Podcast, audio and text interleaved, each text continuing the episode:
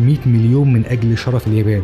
يقول لك ان حتى لو الجيش الياباني كله خلص وكل الرجاله اليابانيين ماتوا وكل الأسلحة خلصت إن الستات والأطفال هيحاربوا بعدال الخوص لحد ما يموتوا اللي يعرفوا يموتوه وبعد كده يتقتلوا ولا إن اليابان تستسلم.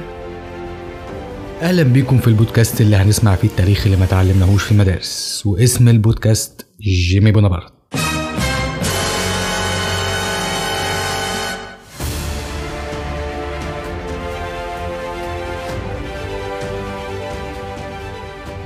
قد إيه شيء ملهم إنك تشوف حد وزنه تقيل ويخس بعد مجهود وبعد فترة طويلة؟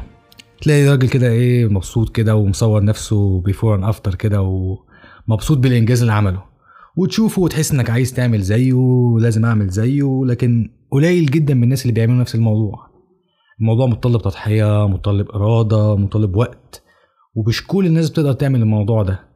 طبعا إحنا داخلين على الصيف إحنا بنسجل حاليا في شهر إبريل وداخلين على الصيف والناس كلها تلبس لبس الصيفي وتكتشف حاجات مش حلوة عن نفسها ويبقى نفسها تخس ويقعدوا الصيف كله نفس نخس يخش الشتاء يلبسوا تقيل تاني وهكذا دايرة ومحدش عايز يخس. فاحيانا التضحية في حتة إن هو مثلا بضحي بأكل بضحي بوقت بضحي بمجهود معين أو الإرادة اللي متطلباها التضحية دي تبقى صعبة على كتير جدا من الناس. فتخيل معايا المشهد ده دلوقتي. في منا دخل جيش في منا ما دخلش جيش. لكن تخيل مشهد انت راجل في جيش وهتخدم في الجيش وانت ظابط كده لطيف وراجل لك مهمة انك تنزل في منطقة خلف خطوط العدو وفي المنطقة دي هتعمل حاجة زي حرب عصابات كده. آه، تدمر خطوط سير تدمر خطوط آه، سكة حديد تبوظ امدادات أي حاجة. لحد إمتى هتقدر تعمل المهمة دي؟ تمام؟ هو قال لك مفيش تواصل انت خلف خطوط العدو مفيش أي تواصل معاك. تمام؟ وهتقعد قد إيه تعمل المهمة دي لحد ما تقول لأ أنا لازم أتواصل تاني مع القائد بتاعي ولا الضابط اللي المهمة دي. محتاج أتواصل معاه بشكل تاني عشان أعرف الأوامر بتاعتي. هو الراجل ده رماك وسابك في المكان ده هتقعد قد إيه مثلا؟ شهر اتنين عشر شهور لحد ما تقول يعني لازم أشوف بقى أوامر. يمكن الحرب خلصت يمكن هما بيحاولوا يتواصلوا معايا ومش عارفين يتواصلوا معايا يمكن في أوامر جديدة.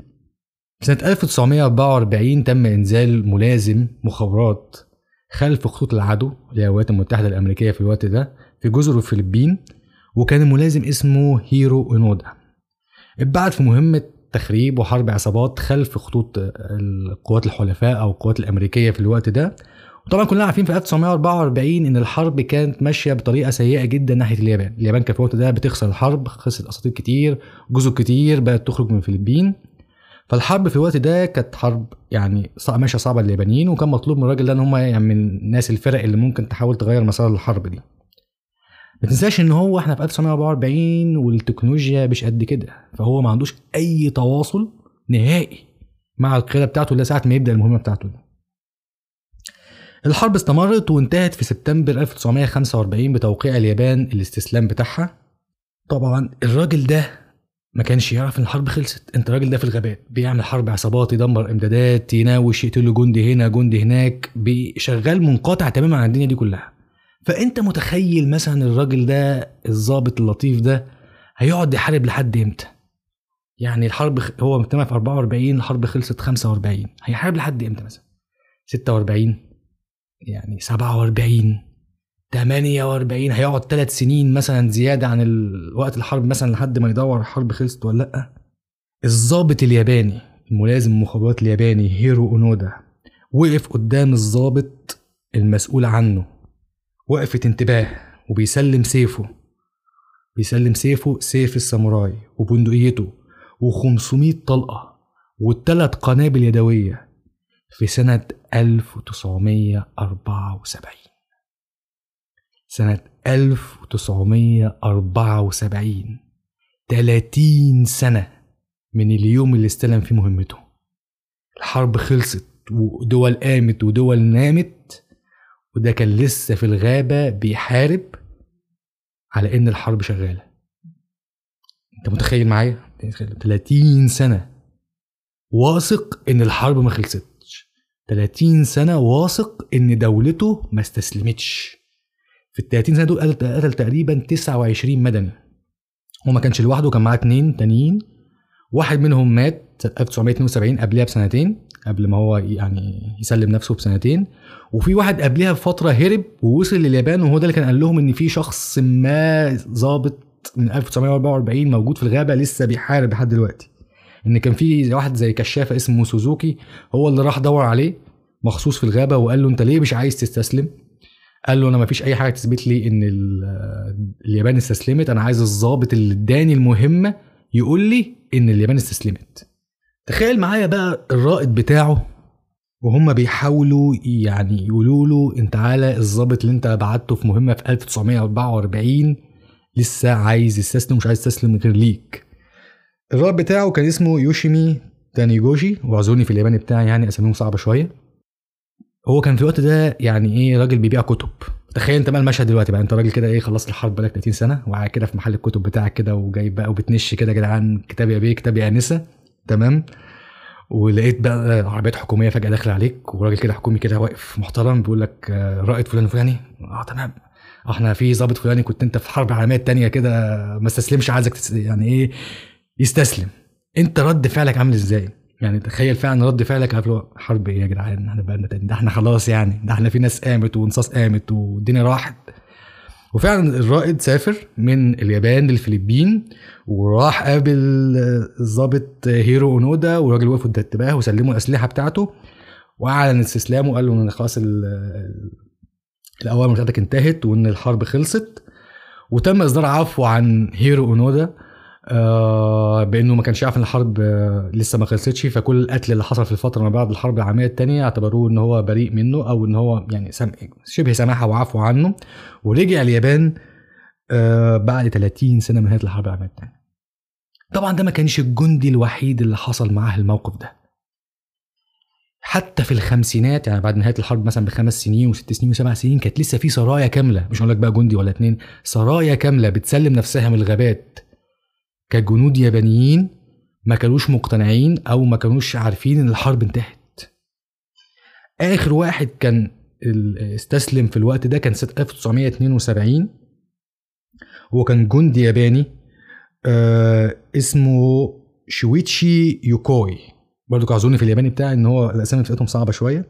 اللي هو على جزيرة اسمها جوام 1972 وطبعا لما رجع اليابان في الطيارة كان اليابانيين واقفين بيستسلموه يعني بيستقبلوه استقبال الأبطال.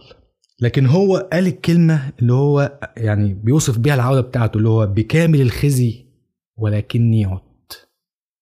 يعني تخيل واحد ده نهاية حرب لحد 1972 بعد نهاية الحرب تقريبا 28 سنة أو 27 سنة بيقول لك بكامل الخزي ولكني عدت. ده بيفكر إزاي؟ يعني ده ده شايف يعني ده هنقعد نتكلم مثلا اللي هو أنا داخل على الثلاثينات وعمري بيضيع. هو ما كانش بيفكر في حاجة زي كده. يعني أنا بتبص لها يعني ده عمره كله راح في غابة عشان خاطر بيكمل يعني الحرب اللي بلده شغالة فيها. وبدا شعوره بعد الوقت ده كله إن هو ما قدرش ينتصر في الحرب. تخيل أنت بعد كل ده اللي هو بيستقبل استقبال الأبطال في اليابان وشايف إن هو يعني إن اللي فيه ده خزي اللي فيه ده عار إن هو يوصل يرجع بالمشهد ده. الضابط بتاعنا أو الملازم بتاعنا هيرو أونودا لما رجع وكتب في كتابه كان بيوصف حاجة يعني مستغربها. إيه اليابان دي؟ اليابان دي مش اليابان اللي أنا أعرفها. لك لما سبت اليابان في 1944 للمهمة بتاعته كان بيقول لك كان الحرب طبعا عارفين حرب صعبة على اليابان واليابان بتخسر بس كانت كل الثقافة أو كل الكلام في اليابان الوقت ده اللي هو 100 مليون ويعني ولا إن اليابان تخسر. إن ال 100 مليون ياباني في الوقت ده يموتوا ولا إنهم يجي لهم عار إن هم خسروا الحرب. 100 مليون من أجل شرف اليابان. تخيل ده, ده, ده المفهوم في الوقت ده. يقول لك إن حتى لو الجيش الياباني كله خلص وكل الرجاله اليابانيين ماتوا وكل الأسلحة خلصت إن الستات والأطفال هيحاربوا بعدال الخوص لحد ما يموتوا اللي يعرفوا يموتوه وبعد كده يتقتلوا ولا إن اليابان تستسلم. يقول لك ما كنتش صدق أي صحيفة يرموها له اي يعني إعلانات الاستسلام يرموها له مثلا من الطيارات على المكان اللي هو كان فيه.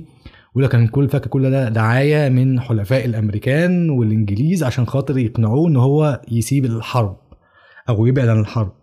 فتخيل التضحية أو الانضباط اللي فيه شخص زي ده باعتبار إن هو اتجند في الجيش الياباني سنة ونص قبل ما يروح المهمه يعني هو مثلا مش قضي حياته مثلا في الجيش فهو متعود على الانضباط والعسكرية مثلا والتضحية والكلام ده كله لا ده متجند قبلها بسنه ونص. سنة ونص راح المهمة دي قعد فيها 30 سنة. فده يرجعنا لورا نعرف أصلا إزاي المعاني دي موجودة أصلا في اليابان. خلينا نرجع لليابان. اليابان كانت من البلاد اللي كان فيها حرب أهلية بشكل كبير. بالذات يعني انت بتتكلم في القرون ال 15 و 16 كانت يعني الساموراي كانت مقسمه المقاطعات والمقاطعات دي فيها حروب كتير لحد بغض النظر عن تفاصيل الحرب الأهلية في الوقت ده لحد ما وصلنا للمعركه الرئيسيه اسمها معركة سيجي كهارا في القرن ال 17 1600 وشوية تمام؟ المعركة دي كانت تقريبا فيها 170 ألف جندي تقريبا.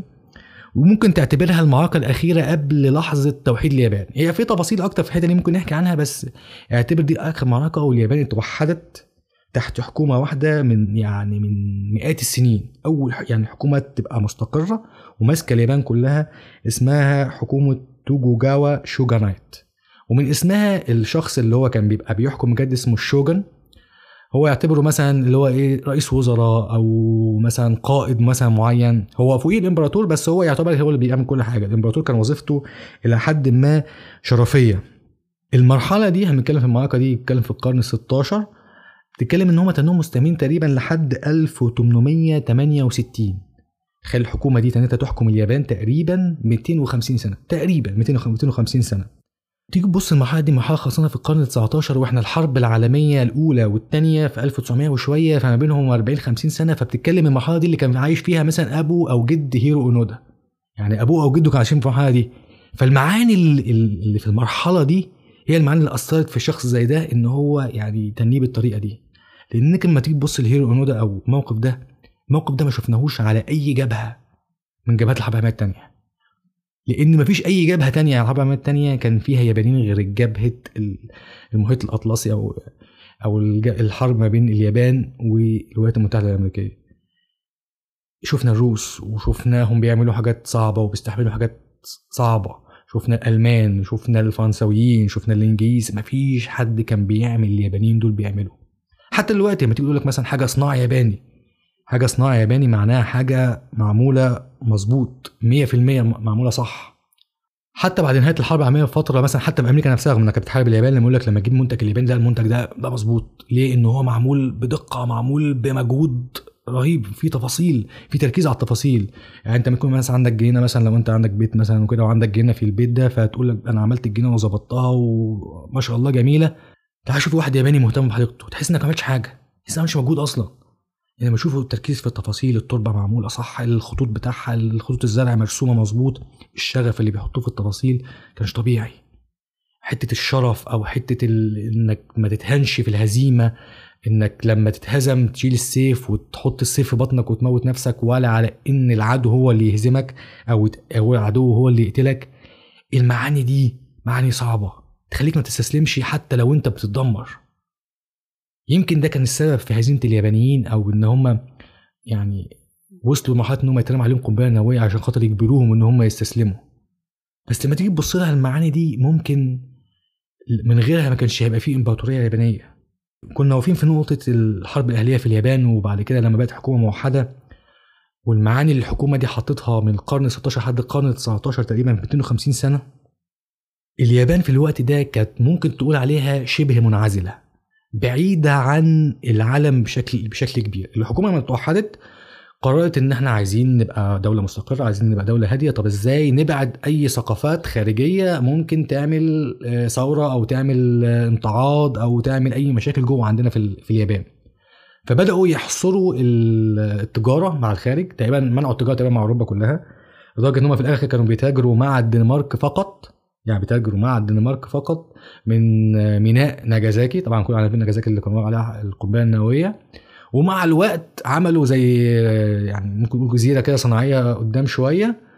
عملوا الجزيرة دي عشان خاطر حتى يبقى وفي وصلة بينهم وبين الجزيرة الرئيسية والوصلة دي محروسة من الساموراي بحيث حتى يمنعوا التواصل ما بين التجار اللي بيجوا واليابان وممنوع الدخول غير بورق عشان خاطر يمنعوا تماما تماما أي ثقافة خارجية. موجودة من أوروبا أو الغرب عموما. فال 250 سنة تقريبا يعني عارف اللي هو اعتبرها كده إنك إيه جبتك كده دلوقتي ورحت تعمل لك جمدتك في التاريخ أو في الحياة كده والتاريخ مشي وعدينا 100 سنة وبقينا بنطلع الفضاء مثلا وماشيين بطيارات بتطير وحاجات هولوجرام والكلام ده كله مثلا وفجأة رحت مصحيك بقى يعني إيه اتعامل.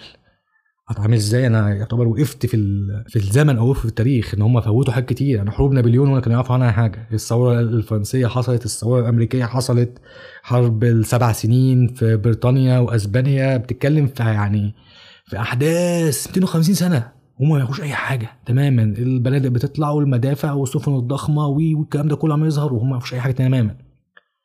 لحد ما جه أسطول غربي على سواحل اليابان. وكان الاسطول ده من الولايات المتحدة الأمريكية. في الوقت ده بقيادة الأدميرال ماثيو بيري.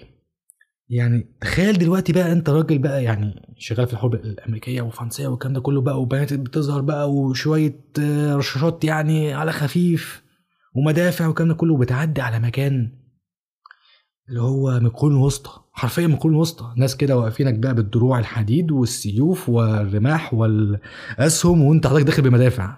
يعني أنت تخيل أنت المشهد ده عامل إزاي. ويمكن وصفها أكتر المؤرخ العسكري آه، جوين داير اللي هو كان شبه بيرسمها مش بيوصفها إن أنت تخيل دلوقتي إنها دخلنا المتاحف وطلعنا البنادق بتاعت القرن ال 19 فاهم إزاي؟ والناس داخلة هنا بقى بالرشاشات الجديدة والكلام ده كله. وتخيل المشهد ده من وجهة نظر اليابانيين. يعني أنت دلوقتي أنت نفسك إيه اللي هو داخل عليهم كده اللي هو مين دول؟ يعني أنتوا مين يا عم الحاج؟ أنتوا بتهزروا.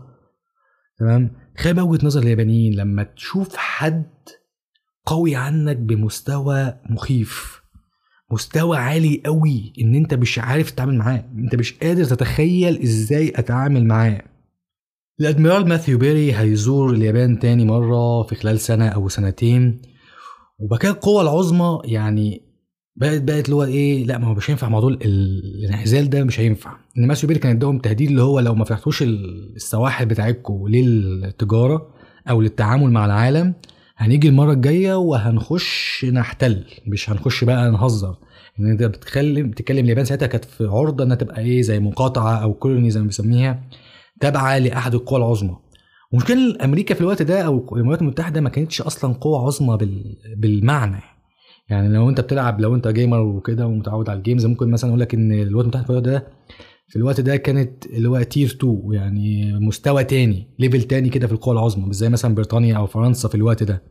إحساس الضعف اللي يشوفه اليابانيين في الوقت ده إنه مثلا هم بيشوفوا سفن عندهم سفن لكن ما يشوفوا سفينة بحجم 10 أو 15 ضعف الحجم السفينة العادية. أنت نفسك في الوقت ده اللي هو تحس اللي هو أنا هعمل إيه مع الناس دي؟ يعني أنا المفروض اللي هو أواجههم إزاي؟ أنا مش قادر أدافع عن نفسي. يعني إحنا حتى مثلا تلاقي في أذكار الصباح مثلا يقول لك إيه أعوذ بك من قهر الرجال تخيل بقى أمة كاملة واقفة كده بتتفرج على نفسها مش عارفة تعمل إيه. ومعرضة إنها يخشوا يحتلوها ويمشوها بمزاجهم زي ما كلنا يعني الاستعمار كان موجود آه، في الشرق الأوسط أو في تونس أو في أفريقيا تحت في الدول الأفريقية أو بغض النظر عن الدول اللي كانوا مستعمرينها. كانت اليابان معرضة في الوقت ده إنها تبقى فعلا حاجة استعمارية. إنها يعني تواجه قوة استعمارية وخلاص بقى تبقى تابعة عليهم والكلام ده كله. لكن اليابانيين في الوقت ده يعني نعرف من التاريخ إن هم ما حصلهمش كده رغم انهم يعني دولة يعني ضعيفة ضعيفة بالنسبة اللي هم شايفينه ده بس مع ذلك ما حصلش النقطة دي بدأوا يفكروا ساعتها طب هنعمل إيه؟ طبعا الحكومة ساعتها كانت يعني شبه انتهت إنها مش قادرة تدافع عن اليابان وكده فهو حكومه قديمه 250 سنة بتحكم فكان لازم تنتهي. طب نعمل إيه؟ قال لك تعال نرجع الأمجاد ونرجع العصر الذهبي بتاع اليابان ونرجع الإمبراطور إن الإمبراطور كان يدير كل شيء. رغم إن هو في الحقيقة في قبل كده الإمبراطور ما كانش بيدير كل حاجة. يعني لما تيجي تبص ك قبل حكومه ال shogunate كانت بتتكلم اللي هو الإمبراطور آه شبه شرفي shogunate متحكم في كل حاجة بس حتى shogunate مش متحكم في كل حاجة إن هو بيتعامل مع اللي هو ال lords أو اللي هو امراء المناطق.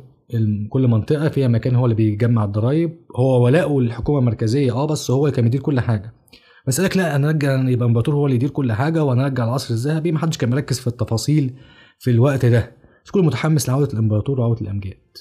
إزاي بقى اليابان من المرحلة دي؟ تخيل بقى أنت في العصر العصور الوسطى سنة 1850 في الوقت ده وبتحاول يعني تلم المنهج بقى. منهج 250 سنة. يا ترى اليابان هتلمه إزاي؟ وهتلمه في قد إيه؟ وهتقدر تعمل إيه؟ ده اللي هنشوفه في الحلقة الجاية ونتابع قصة اليابان إزاي لمت منهج العلمي والعسكري والاقتصادي بتاع التاريخ في 250 سنة. هتلاقوا البودكاست بتاعنا على سبوتيفاي ساوند كلاود وكمان يوتيوب. تابعونا عشان تعرفوا أكتر عن التاريخ اللي ما تعلمناهوش في المدارس.